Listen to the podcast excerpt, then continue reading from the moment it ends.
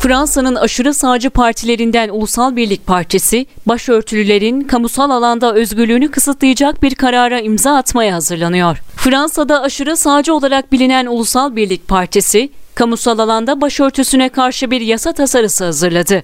Tasarıda İslam ideolojisinin sinemalarda, basında, kütüphanelerde ve okullarda uygulanmasının, tanıtılmasının ve topluma yayılmasının yasaklanması savunuldu. Haberler.com'un haberine göre Müslümanları kamuda görmek istemeyen aşırı sağcı Ulusal Birlik Partisi, başörtüsünün yasaklanmasının dışında Müslüman cemaatlerin, grupların kamuda tasnif edilmesine, gelir kaynaklarının denetim altına alınmasına ve hatta ibadet yerlerinin de yasaklanmasına dair teklifte bulundu. Fransa'da Samuel Paty isimli öğretmen Hz. Muhammed sallallahu aleyhi ve sellem hakkında hakaret içerikli karikatürlerin yapılmasını özgürlük olarak değerlendirdikten sonra 2020 yılının Ekim ayında öldürülmüştü. Ülkede gündem olan bu haber bahane edilerek Müslümanların üzerinde kontroller artırılmıştı. Emmanuel Macron ibadethaneler, dernekler gibi yerlerin sıkı denetime tabi tutulacağına, din görevlilerinin yurt dışından gelmesinin engelleneceğine dair sözler vermişti.